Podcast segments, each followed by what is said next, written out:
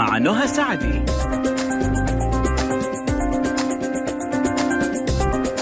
الرحيم. والسلام عليكم ورحمة الله وبركاته. أحلى مستمعين مستمعي ألف ألف أف أم الموجة السعودية مستمعي برنامج طبابة اللي بيجيكم يوميا من الأحد للخميس بإذن الله. معايا أنا نهى سعدي من الساعة واحدة للساعة اثنين بعد الظهر. تواصلكم معنا على صفر واحد اثنين ستة واحد ستة واحد واحد صفر صفر. رسائلكم على صفر خمسة وخمسين ستة وستين ثمانية تسعة صفرين واحد. معك آيفون معك آيباد معك أي جهاز نظامه iOS. أدخل على متجر أبل و App Store حمل تطبيق ألف ألف أف أم. معك جهاز نظام أندرويد أدخل على جوجل بلاي حمل نفس التطبيق فيسبوك تويتر إنستغرام قناة اليوتيوب. كلها على نفس الحساب ألف ألف FM سناب شات على ألف ألف FM live واللي ما سمع حلقتنا من أولها وحاب يسمعها كاملة وتكون عنده أو يرسل الرابط لأي أحد يستفيد منها الحلقة حتكون موجودة على قناة ألف ألف أف أم على منصة اليوتيوب خلال 24 ساعة. خليني بس أقول لكم حلقتنا اليوم عن إيش ونطلع فاصل وبعدها نبدأ موضوعنا. اليوم حنتكلم عن الصرع وعلاجاته مع الدكتورة بيان علي من مستشفى الدكتور سمير عباس استشاري المخ والأعصاب والصرع حاصله على زمالة الصرع وتخطيط الدماغ في مستشفى الملك فيصل التخصصي بالرياض فاصل قصير جدا ونبدأ حلقتنا. خليكم مع السماع.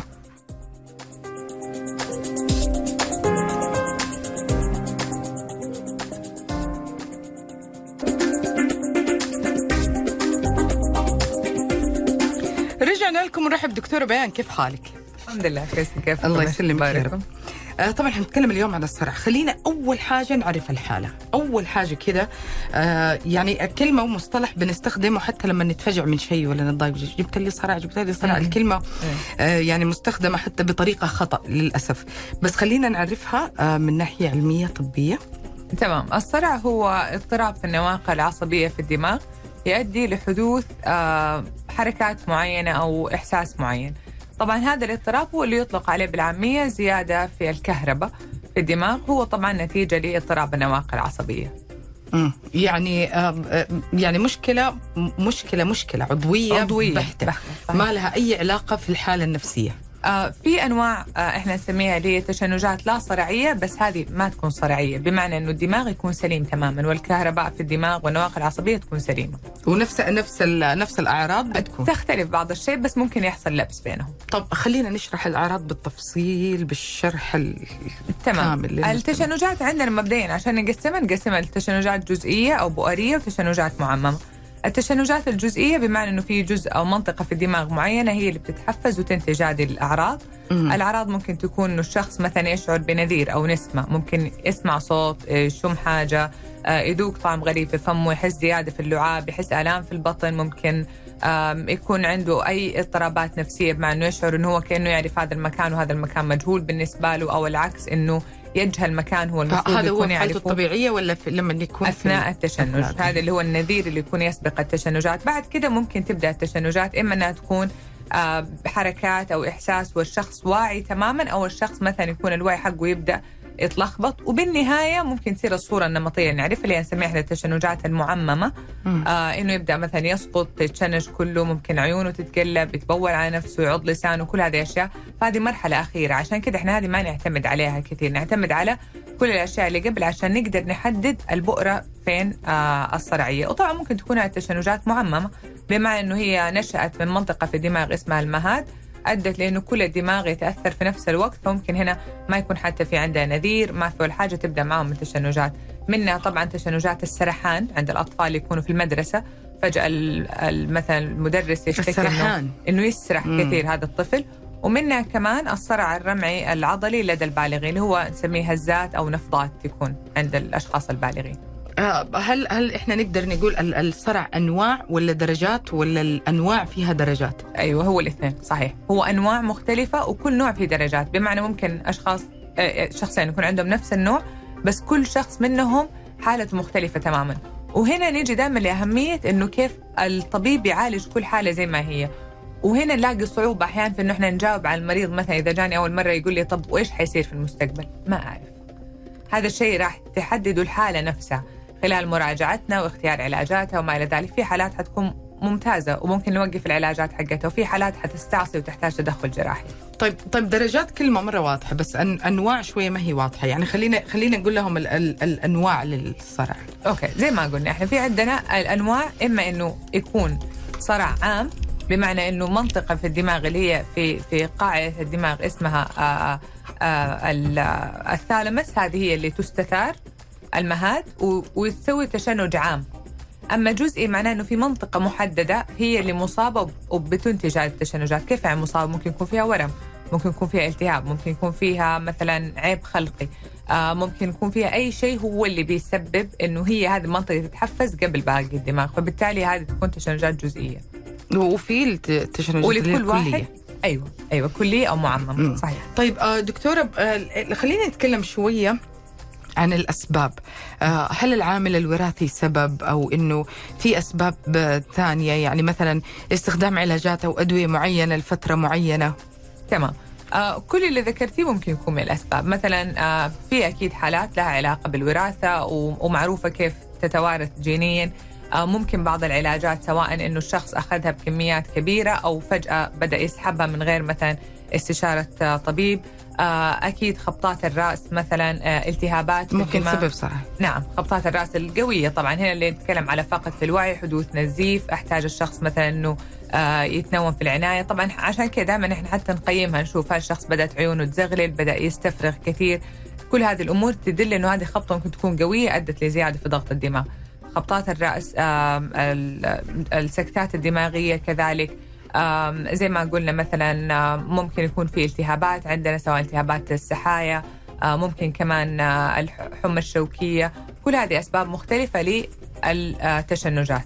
غير الوراثة إنها عامل نعم وغير كمان الأمراض العامة مثلا زي أحيانا الفشل الكلوي الفشل الكبدي كل هذه الأشياء اضطراب الأملاح والمعادن في الجسم كلها ممكن تكون أسباب مختلفة لحدوث التشنج. بس هل كلها كفيلة أنها تسبب صرع لا لا بس ممكن تكون من مضاعفات اللي, اللي ممكن تحصل بسبب هذه الأمراض أو هذه المشاكل. نعم يعني مثلا إذا الشخص السكر عنده نقص ممكن يحصل عنده تشنج بس ما راح يصير عنده صرع.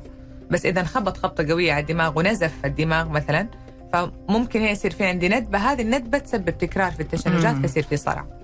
طب دكتور بيان ال ال في أعمار معينة ممكن تكون أكثر عرضة؟ يعني لمشاكل الصرع بصفة عامة أو مثلا تجي لهم نوبات الصرع أكثر من غيرهم؟ أمانة الصرع الناس معرضين له في أي عمر في أي وقت. آه نسبة حدوثه بين المجتمع عموما من فاصلة 6 ل 1% عند أي شخص مثلا.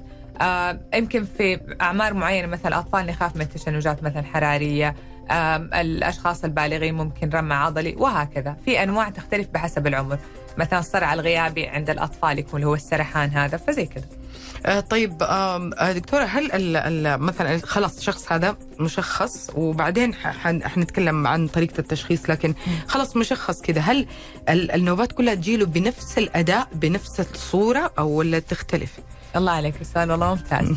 طيب الآن ممكن النوبات نفسها تيجي من غير ما تكمل. بمعنى ممكن يشعر بالنذير بس ما تكمل النوبة ما يفقد الوعي ما يضطرب بالوعي ولا شيء بس يشعر بالنذير يشعر مثلا خوف زيادة في نبضات قلب يشعر إنه معدته بتوجع يحس هذه الأشياء بس ما تكمل. وممكن لا تكمل يبدا الوعي يضطرب عنده. وممكن لا تكمل إنه الوعي يضطرب ويسقط تماما وخلاص يفقد الوعي تماما. تمام؟ فهذه مثلا ثلاثة صور بس هي تدرجات في نفس الصورة. مم. طيب ممكن شخص يكون عنده مثلا جزئين في الدماغ متأثرة وفي بؤرتين تمام؟ فمثلا ممكن مرات يقول أنا أشعر بهذا الشيء ومرات يشعر بأعراض أخرى مثلا متباينة. مم. وأحيانا نفس الشخص اللي يكون عنده تشنجات صرعية تقريبا في 20 ل 25% منهم يكون عندهم تشنجات لا صرعية اللي هي نفسية.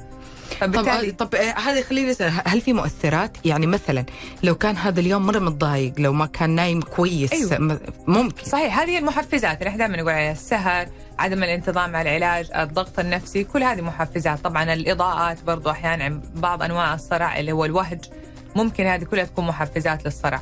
بس الضغط النفسي هو بحد ذاته ممكن يحفز نوبة صرعية حقيقية طيب وممكن الشخص اللي عنده صرع لأنه أصلا في نسبة كبيرة منهم ممكن يكون عندهم أصلا أمراض أو اعتلالات نفسية أخرى مم. مثلا قلق اكتئاب لأنه مع الأمراض المزمنة عموما هذه الأمور شائعة فتلاقيه مثلا فجأة صار عنده والله تشنجات غير صرعيه اللي هي مم. نفسية مم. كيف كيف بيكون ال- ال- التشخيص؟ خلينا نقول مثلا طفل أو مثلا مراهق بدأ تبان عليه هذه الأعراض اللي هي في البداية كيف كيف بيكون اشعاعات ولا بيكون كيف نوع الفحص؟ رقم واحد التاريخ المرضي. يعني الكلام اللي هو المصاب نفسه يقوله أو الأهل يقولوه. هذا يشكل بالنسبة لنا يعني جزء كبير من العلاج مم. أو من التشخيص. بمعنى إنه حتى لو بعد كده ال- ال- الفحوصات طلعت سليمة أنا إذا أعتقد أكثر إنه هذا المصاب هو فعلا عنده نوبات صرعية أنا حأعالجه. بعد كده آه بعد ما نعمل الفحص السريري حق المصاب وما إلى ذلك لازم نعمل رنين آه للدماغ وتخطيط للدماغ. هذه أمور أساسية الرنين المغناطيسي والتخطيط. عشان نعرف زي ما قلت سلامتها حتى لو طلعت الاثنين طبيعية ما تعني إنه أنا خلاص أستثني التشخيص ممكن يكون لا أزال أعتقد إنه هذا هو التشخيص وأعتقد إنه المريض يحتاج يتعالج طيب هل ممكن هذه ال- ال- الأعراض أو هذه ال- الحاجات كلها ممكن تحصل لشخص مرة واحدة في حياته بصورة نعم. عرضية؟ إيوه نعم وإيش بيكون سببها؟ تشنج هذا نسميه بمعنى زي ما قلنا ممكن يكون مثلا في اضطراب في الأملاح ممكن يكون مثلا شخص آه، أتعرض لسخونة مثلا آه، ممكن يكون آه، هبوط في السكر ممكن يكون أخذ بعض أنواع المضادات الحيوية بعض أنواع العلاجات سببت له هذا التشنج. لا بأس. وممكن يكون من غير سبب ترى حدث. يعني وما نعالجه عادة ه- هذا ما يتعالج هذا عادة بي- لا، ما بيتشخص وروح اتكل على الله انت ما بخير نبدأ و... لا ما نبدأ علاجات. طبعا نعمل له كل الفحوصات اللازمة. يمكن أحيانا إذا كانت الفحوصات بينت شيء ممكن نبدأ نعالج. مثلا أول مرة تشنج لقيت في ورم في الدماغ مثلا. يمكن هنا علاج. يمكن هنا سيطرة أكثر منها علاج بالضبط. لكن غير كذا لا خلاص. حقول له بس حاول تتجنب المحفزات وما إلى ذلك وما نعالجه. إذا تكررت صارت أكثر من اثنين هنا نقدر نطلق عليها اسم صرع وبالتالي هنا نعالجها صراحة يا جماعة يعني جوانب جدا رائعة طرحتها دكتورة بيان اليوم. يعني الشرح مرة واضح و... و... و... ونقاط يمكن كمان معطيات ما كانت موجودة عندنا كلنا قد ما سمعنا عن هذا الموضوع إلا إنه يعني سبحان الله كل مرة بنتعلم شيء جديد. شكرا ليك حنطلع فاصل قصير جدا راجعين مكملين معاكم. خليكم على السماع. مكملين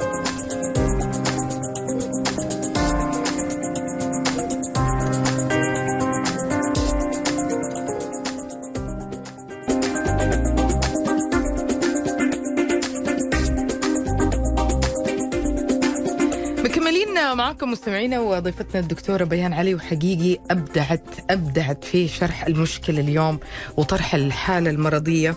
وال, وال... إحنا تكلمنا على التشخيص تكلمنا على الأسباب تكلمنا على الأعراض وتكلمنا عن آه حننتقل الآن لأنه نتكلم إيش المضاعفات اللي ممكن آه تحصل لمريض الصرع.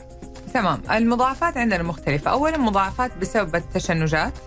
آه زي مثلا السقوط إنه شخص مثلا ممكن يتخبط يتعور يكسر أسنانه يحصل له عنده خلع في الكتف أحيانا حتى آه كس- كسر في الأنف. كل هذه مضاعفات لها علاقة بالتشنج نفسه. ممكن كمان لها علاقة بالبيئة المحيطة مثلا إنه يسقط في منطقة فيها نار مثلا لا قدر الله ينحرق أو يتأذى. آه ممكن حتى أحد يسقط طفل من يده زي كذا فتصير هذه كلها من المضاعفات هذا جزء والجزء الآخر متعلق بتكرار التشنجات نفسها وتأثيرها على الشخص على المدى البعيد لأنه طبعا تكرار التشنجات يبدأ ممكن يخلي المصاب أقل تركيزا ممكن يبدأ يأثر عنده على مناطق حيوية في الدماغ خاصة مناطق الذاكرة مم. فممكن مع مع تكرار التشنجات إذا كان الشخص ما بيأخذ علاجاته بصورة منتظمة والتشنجات خارجه عن السيطرة ممكن يبدأ يشتكوا من مشاكل حقيقية في الذاكرة. يعني المضاعفات بنسبة جدا كبيرة مرتبطة بال بال بالتشنجات نفسها أو النوبات حقت ال- نعم. الصرع نفسها لما تيجي للشخص. أيوة. آه دكتورة أكيد إنه كل أحد الحين يجي في باله. طيب في علاج لهذه المشاكل؟ لأنه إحنا استخدمنا كلمة سيطرة أكثر من مرة اليوم.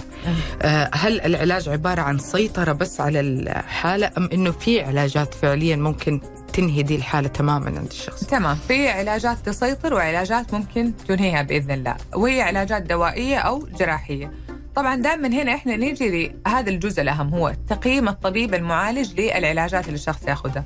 بمعنى ممكن شخص مثلا يكون بيتعالج كذا من غير مثلا ما يستشير شخص مناسب فتلاقي يكون على علاجات خاصة علاجات الصرع. في منها اللي تتفاعل مع نفسها وتبدأ واحد منهم يقلل نسبة الثاني أو واحد يزود نسبة الآخر.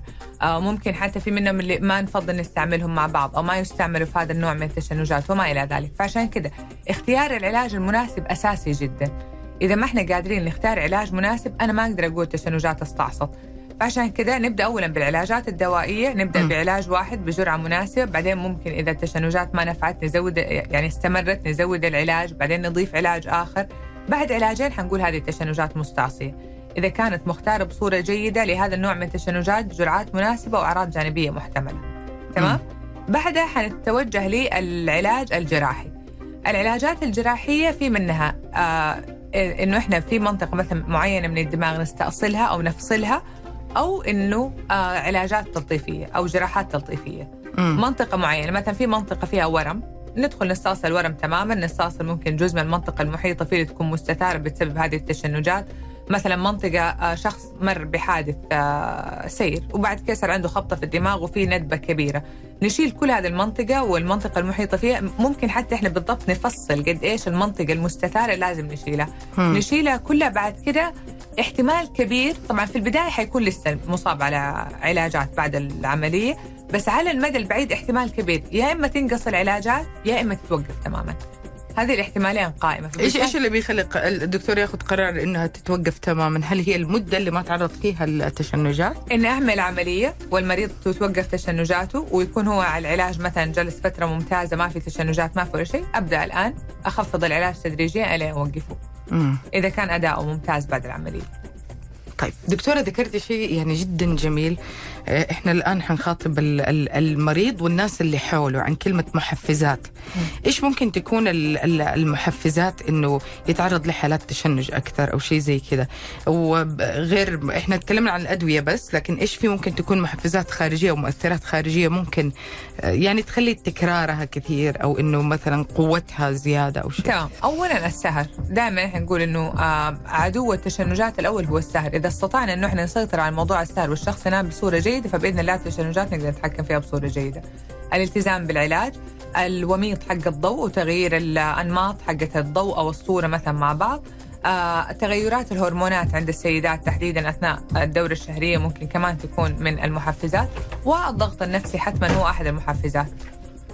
يعني يعني مرتبطة بالنفسية وال ال ال ال نعم. اللي حاصلة حوله أكثر صحيح. حاجة صحيح. آه هل ممكن مثلا يكون آه، خلينا نتكلم عن الحاجات اللي هي تخص أنماط الحياة يعني لو كان مثلا مدخن مم. التدخين بحد ذاته ما يحفز ما ما له تأثير. ما, ما له أي تأثير. آه إلا إنه خلينا نقول يا جماعة إنه هنا إحنا بس نبغى نسلط الضوء على دور الأشخاص اللي اللي اللي حول م- مريض الصرع من أصدقاء من أخوان من أصحاب. آه ما يكون ما يحطوه تحت ضغط كثير خلينا نقول.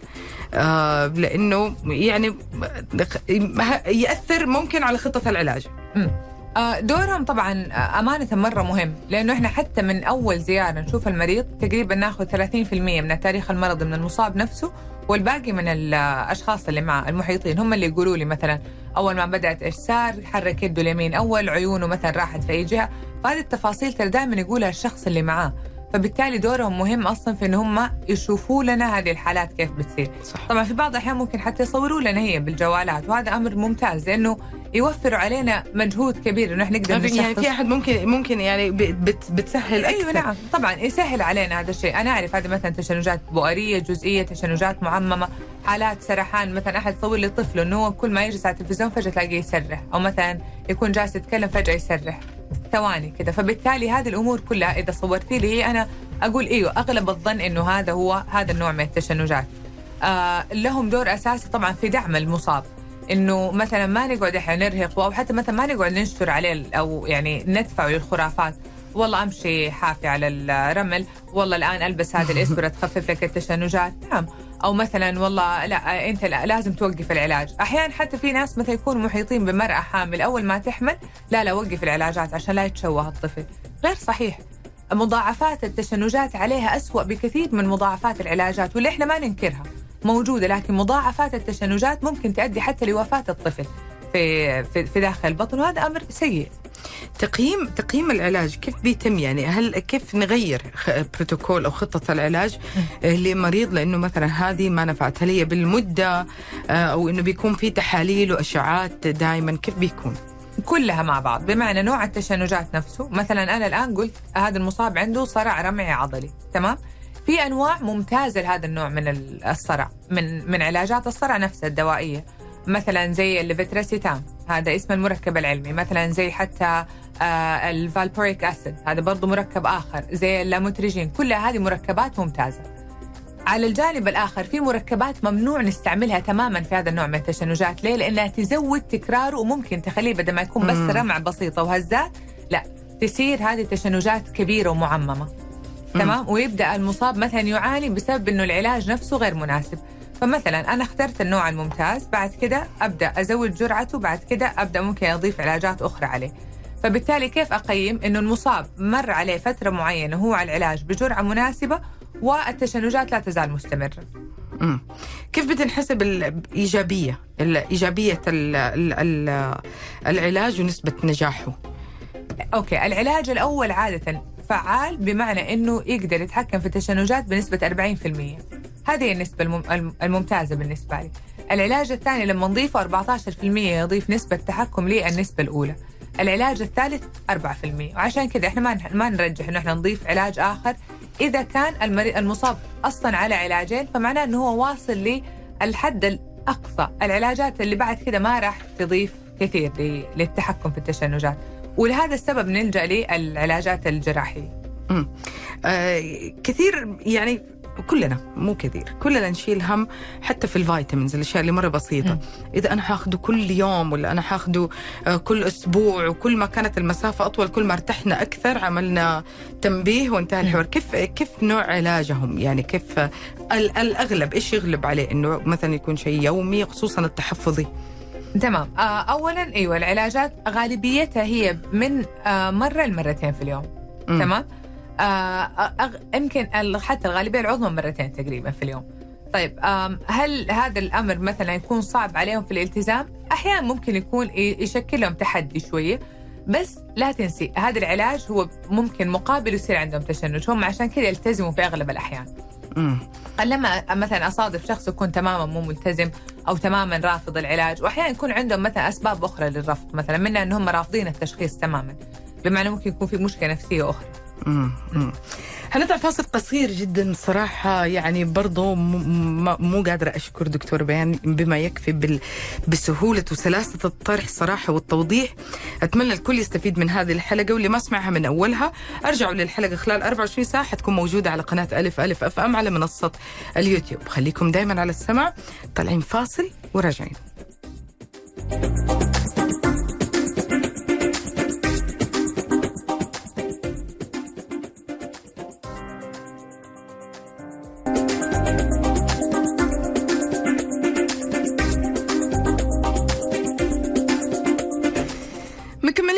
معاكم مستمعينا وأذكركم اليوم ضيفتنا الدكتورة بيان علي استشاري المخ والأعصاب والصرع حاصله على زمالة الصرع وتخطيط الدماغ من مستشفى الملك فيصل التخصصي بالرياض. آه، واليوم بنتكلم عن الصرع وعلاجاته. آه، واليوم ضيوفنا الدكتور آه، مستشفى الدكتور سمير عباس. طيب طبعا عشان متحمسة على السؤال الجاي بتكلم في مكان وعقلي في مكان. أي شخص يجي له أي مشكلة وتكون من هذا النوع اللي نقدر نقول كبير؟ آه مو هي ما هو تخويف بالعكس بس إنه بنقول إنه حالة تحتاج اهتمام وتحتاج التزام. آه السؤال اللي يجي دائما في بالنا كيف يعني الواحد رجله تنخبط يقول طب أنا حمارس حياتي بصورة طبيعية أقدر أروح النادي أقدر أروح شغلي أقدر آه كل كلنا يجي في بالنا هذا السؤال. نمط حياة مريض الصرع كيف بيكون قبل وفي التشخيص وبعد التشخيص وأثناء العلاج؟ تمام. إذا مصاب بالصرع استطاع أنه هو يلتزم بعلاجاته ويتحكم في التشنجات بصورة جيدة ويبعد عن المحفزات نمط حياته يكون طبيعي تماما. تمام ما يكون في أي تأثر إلا بعض مثلا الأمور اللي إحنا نقول له يراعيها. بمعنى مثلا إذا تبى تسبح حاول مثلا إنك تقول للشخص اللي معاك المشرف إنه أنا عندي آه مثلا أنا مصاب بالصرع عشان يخلي عينه عليك انتبه لك إنه أنت ما مو فجأة تتشنج مثلا لا قدر الله وتغرق. طبعا إذا بيسبح ما يسبح والله في بحر ولا في مكان مفتوح نفضل اماكن مغلقه أكثر. مثلا حتى بعد بعض الرياضات زي الكورة وكذا لازم يكون الناس اللي حوالينهم واعيين بهذا الشيء تمام؟ هذا أمر. الأمر الآخر الناس اللي عندهم تشنجات تتحفز بالضوء دائما ننصحهم إنه حاول تبعد عن مثلا إنك تلعب لي والله كمبيوتر جيمز في غرفة صغيرة لوقت مرة طويل آه لوقت طويل أو الغرفة ما هي مضاءة بشكل جيد والشاشات تكون كبيرة لا حاول تبعد يكون في مسافة بينك وبين الشاشة الشاشة تكون صغيرة الغرفة تكون مضاءة. كل هذه الأمور مثلا هي مجرد يعني بعض ال- التظبيطات اللي نقدر نقول عليها اللي إحنا بنقول لهم عليها عشان يكون أدائهم أفضل في حياتهم. هل في تشنجات إذا مثلا لا قدر الله خرجت عن سيطره تأثر على حياتهم؟ نعم حقيقه إيوه.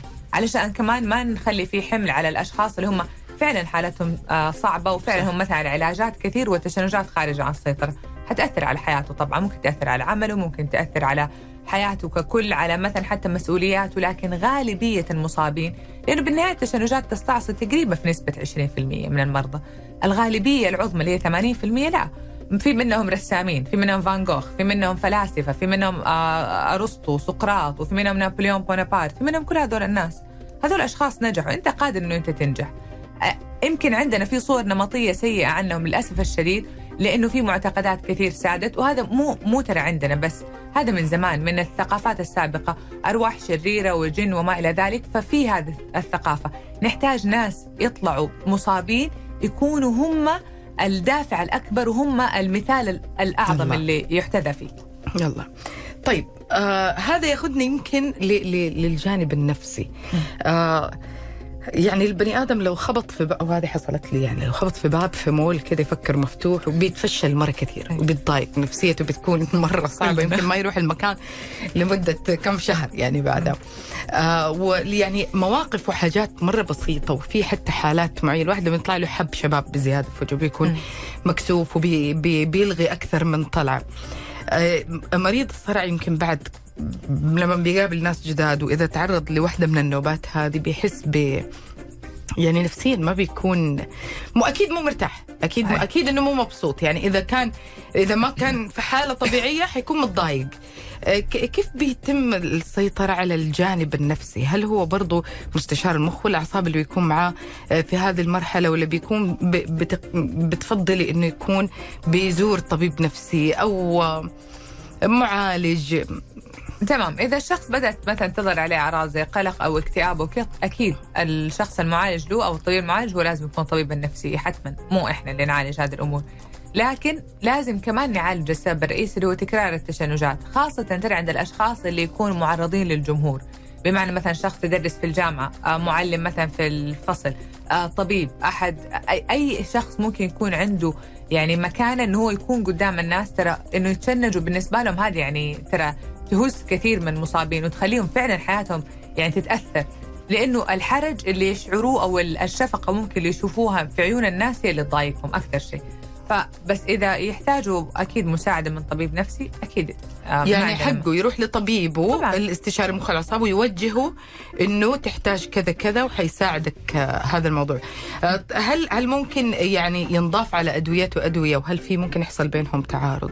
يعني خلينا نقول الطبيب النفسي شاف بين إنه- العلاجات النفسية وال. آه بالعكس آه كثير من علاجات التشنجات هي آه تحسن المزاج بصورة جيدة آه ولها تأثير إيجابي عليه. آه وعلشان كذا إحنا مثلا يمكن في عندنا كم علاج هو ممكن مثلا يسوي اكتئاب أو قلق أو يخلي مزاجهم أسوأ. نبتعد عنها تماما إذا حسينا إنه الشخص بدأ مثلا يعاني من هذه الأعراض ونخليه على العلاجات الأخرى. علاجات النفسية كثير منها بالعكس كمان يساعد في آه تثبيط التشنجات. معدل التكرار. بين ال ال ال ال إحنا بنقول تكرار في ناس بتقول طيب هو تكرار لو لا سمح الله في يعني أكيد في أحد يسمعنا الآن. دوبه أحد عنده حوله حبيبه تشخص. مم. بابنه ممكن يكون أو بنته. لما بنقول تكرار تكرار قديش دكتور؟ يعني هل ساعة يوم يومين؟ ولا مثلا كيف نحسب التقارب؟ أسبوعي شهري ولا في سنة للسنة؟ أوكي. كل حالة زي ما قلنا هنا آه، كل حالة هي تكون مفصلة بنفسها. ما ما في. ما لا مثلا لا. في حالات تتكرر التشنجات عليهم مثلا مرة في الأسبوع بمعنى أربع مرات في الشهر في حالات مرة مرتين في الشهر. آه في حالات كل فين وفين مثلا ممكن مرة في السنة فعلا زي ما ذكرتي. في حالات للأسف الشديدة في كل يوم التشنجات موجودة وممكن تصير حتى مثلا عشر مرات في اليوم يعني يخرج تماما عن السيطرة. طبعا هذول عادة مثلا اللي يكونوا مثلا أصلا عندهم ممكن بعض المتلازمات أو آه، أمور من الطفولة غالبيا غالب أنها تكون في الأطفال. مم. يعني آه، ما لها أي علاقة. ال- التقارب والتباعد ما له أي علاقة. لا يعتمد على نوع التشنجات آه مثلا إذا في متلازمة معاه أو زي كذا آه، ممكن تخرج عن السيطرة وتصير مستعصية مثلا ويعتمد على أداء الشخص نفسه تجنب المحفزات كمان. فبالتالي ما نقدر نقول صراحة. هل هل ممكن تيجي حالة يخير فيها؟ هذا آخر سؤال حنسأله يخير فيها المريض بطرق العلاج اللي ممكن تكون موجودة ويختار إنه ما أبغى الجراحة يخاف منها كلمة جراحة تخوف ناس مرة كثير. يقول ممكن أعيش على الأدوية. وممكن يقول أنا أبغى الجراحة عشان مثلا أنهي الموضوع تماما. إذا م. كان آه هل في حالات كده وهل ممكن لو اختفت الحالة ممكن ترجع ثاني في يوم من الأيام؟ آه طبعا في في عندنا طبعا الأطفال أو الصغار في السن مثلا عمرهم ممكن يكون 17 18 هذا مرة يجي متحمس. أبغى أسوي جراحه خاصة اتخلص من التشنجات. طبعا إذا التشنجات ما مستعصية ما راح نسويها ابدا. مم. فابدا. بس العكس ممكن يصير إنه أحد يرفض الجراحة ومع إنه إحنا نحاول جاهدين إنه نقنعهم بالجراحة لأنه هي الحل الأمثل. علشان ما تتأثر مناطق عندنا حيويه في الدماغ ما التشنجات مثلا تبدأ تسبب بؤر جديدة كل هذه الأمور عشان نتفاداها فنحاول نقنعهم. إذا ما اقتنع في علاجات أخرى. إيش العلاجات الأخرى؟ غير العلاجات الدوائية في علاجات جراحية تلطيفية زي اللي هو جهاز العصب الحائر أو اللي هو إحنا نسميه ال VNS vagal nerve stimulator هذا نركبه جهاز خارجي يكون زي بطارية القلب فهو بعيد عن إنه يكون مثلا في آه، اتصال بالدماغ أو فتح في الدماغ. في الحمية الكيتونية نستعملها كمان في بعض أنواع التشنجات ممكن إذا آه، رفض الجراحة وهذا من الحلول المطروحة ممكن.